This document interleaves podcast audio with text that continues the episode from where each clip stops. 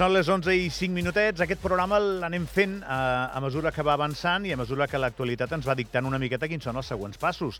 I això sempre és el que ens ha d'acompanyar, però al mateix temps ho hem de fer compatible amb els compromisos que ja tenim adquirits i en aquest cas aquesta setmana és una mica rígida i l'anterior eh, perdó, i l'anterior i la posterior, perquè tenim campanya de les eleccions comunals i tenim espais als que hem de donar cobertura que són llargs. Però en un dia com avui, el que haguéssim fet de normal és eh, reformar una miqueta la nostra idea inicial de programa i anar a parar a la notícia que ahir es feia pública per part del govern. Queden tancades les grans línies polítiques de l'acord d'associació amb la Unió Europea, un acord que, segons el govern, respecta les excepcions reclamades per nosaltres, per Andorra, en aquesta negociació. La voluntat és rubricar-lo al mes d'abril i el referèndum se celebraria a final del 2024. Dimarts hi ha una roda de premsa prevista a Brussel·les amb el nostre cap del govern, Xavier Espot, amb Marco Sefcovic, que és el responsable de la negociació per part de la Unió Europea, i amb San Marino allà al costat, perquè al final la negociació, la nostra ens importa molt a nosaltres, però des del punt de vista de la identitat de la negociació a nivell europeu tenia aquesta perspectiva de petits estats. Són dos perquè Mònaco es va baixar d'aquest tren.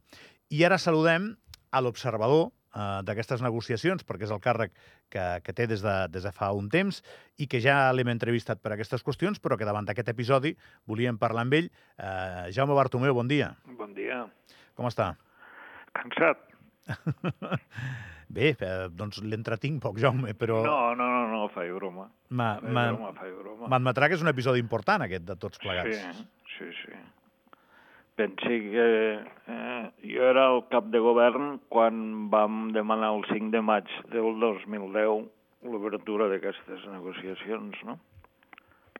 El dia que vostè va venir a l'estudi, Jaume, eh, a mi em va semblar que, que tenia bastantes reserves que acabaríem donant aquesta notícia. Finalment l'hem donat. Ahir la feia pública Xavier Espot. Bueno, sí, l'hem donat, però miri, ni ara tindrem temps ni és el moment. Jo tinc una reunió com, que m'han convocat del pacte d'estat divendres vinent dia 15. Allí donaré la, el resultat de la negociació, el compararem la, amb el que ens sembla a nosaltres i, bueno, miri, el resum en curt, és, vam demanar un acostament i un embrancament, és a dir, una associació. Eh, S'han assolit una sèrie d'acords polítics, com deia vostè. Mm, hem de valorar exactament eh, què buscàvem en aquesta negociació i què s'ha aconseguit i sobretot què s'ha salvat i després s'ha de poder explicar tot això, no? Per tant, la feina no es va acabar ahir, ni s'acabarà la roda de premsa del dimarts a Brussel·les, ni tampoc a l'abril quan se signi, però d'aquí a l'abril hi ha molta feina per fer. El que sí que és cert és que sense aquesta notícia d'ahir no anem a parar ni a l'abril ni al referèndum. Per tant, és, és, és rellevant. Això em referia ah, no, no, és important, és important, segur. I sobretot, sap que és més important? És que el dia 1 d'agost del 2023, abans li deia 2010, quan, ho deman quan demanem les l'obertura de les negociacions, l'1 d'agost, quan rubriquem el pacte d'estat, estàvem molt lluny d'aquesta situació. I fins i tot el dia que vostè em va convidar a la ràdio seguíem bastant lluny, no?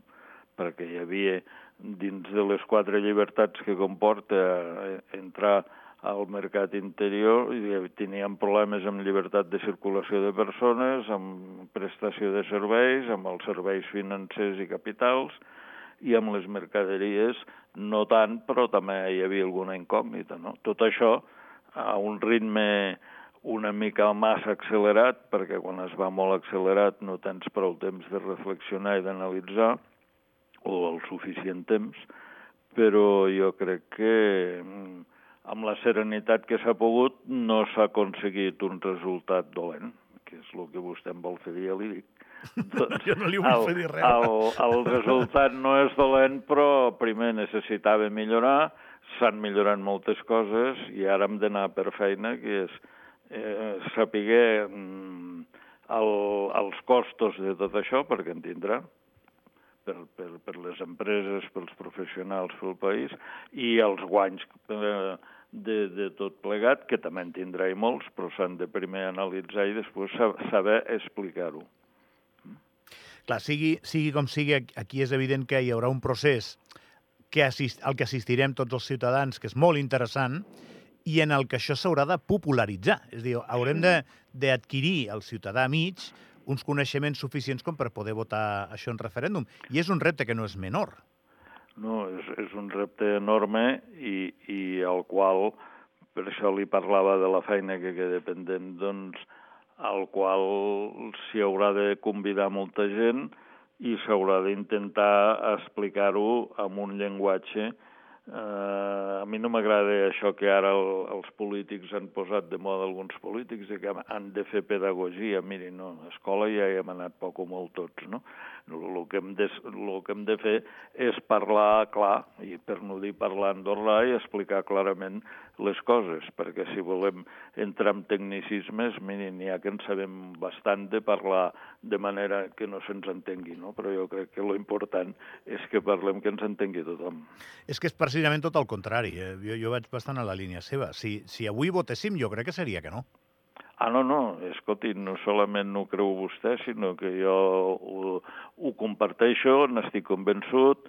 El dilluns abans de marxar a Bruxelles parlava amb un responsable del govern eh, i amb, amb, no, no li parlava jo perquè estàvem per parlar d'una altra qüestió i em va parlar, ell sabia que me n'anava cap allà dalt i el que em va dir és, diu, escolta, diu, és que això ara, diu, el que jo noto al carrer és que no passa, eh? pues, efectivament, no passa. Però no passa eh, perquè no s'ha explicat, eh? Perquè, clar, si amb una negociació s'ha d'entrar amb, amb uns objectius, amb uns aliats, també teníem un problema d'aliats, eh, i després la confidencialitat s'ha de combinar amb la transparència, és a dir, d'acord que les converses a porta tancada Uh, allà dalt doncs, no, no s'han de fer amb llum i taquígrafs, però després s'ha d'explicar uh, el, el que hem dit i el que ens han dit. No? I això ha faltat molt. L'última. Eh, és una sorpresa, eh, fins i tot per a vostè, que això que haguem arribat a aquest punt? Home, miri, jo, no, per mi no, perquè, per què? Perquè jo tinc informació privilegiada, primer perquè ja la tinc, perquè me la treballo des de fa molts anys, i segon perquè estan al lloc eh, que ens va nomenar el cap de govern, mm, doncs tenia, mm, no diré tota la informació, però gairebé tota, i per tant jo sabia on passàvem, no? per tant, sorpresa no. Bueno, hi va haver algun ensurt d'última hora, però sorpresa no. No, jo li dic pel temps que, que hi havia, eh? no, no, no tant pel contingut final, sinó pel temps, això em referia, perquè donava la sensació que amb una mica més de temps potser s'hagués aconseguit una negociació diferent, però no, al final ha anat en els timings que deia, que deia govern. No, miri, eh, si em permet, no. Ha anat amb els timings que volia la Comissió Europea, no amb els que deia govern. El govern es limitava a dir el que li deia la Comissió Europea amb el tema del calendari, eh? parlem clar. Bueno, o els que anunciava el, el, el govern ah, que li deien això, des de Brussel·les. Això, ja, això d'acord. Això ja pot ser. Això, això, no, no, això és així. No? Però el tema no ha sigut aquest. El tema és que també s'havia de saber eh, tibar la corda suficient com per dir que tu vols que sí o sí acabem abans de, abans de Nadal, doncs has de començar a fluixar per aquí, per aquí, per aquí. I bé, doncs miri, això és el que ha anat també bé i i amb, amb els quatre aspectes que jo li deia, doncs la comissió ha admès que a Andorra se li havia de donar el tracte que deia el Tractat de Lisboa, no que diguéssim els andorrans, que és la famosa declaració eh, a l'article 8 del Tractat de Lisboa de que s'ha de tenir en consideració el, les, les particularitats dels petits estats com el nostre. No? Això ho diu el Tractat de la Unió Europea i és per aquí que que s'han pogut aconseguir mm, doncs, qüestions importants com eh, les quotes de residència, el control dels antecedents penals mm, i altres coses. Jaume, que li agraeixo molt el, el seu temps. Gràcies. I per la part que li toca, enhorabona. Gràcies, gràcies. Que vagi bé. Eh, això no, no ens quedarà bé, i ho he de dir així, eh, no ens quedarà bé si no podem parlar amb govern, vale? que al final eh, aquí hi ha hagut una sèrie de persones que han fet un esforç negociador durant molt de temps i aquí ho ha capitanejat això, qui s'ha esforçat molt eh, i qui ahir devia tenir un bon dia.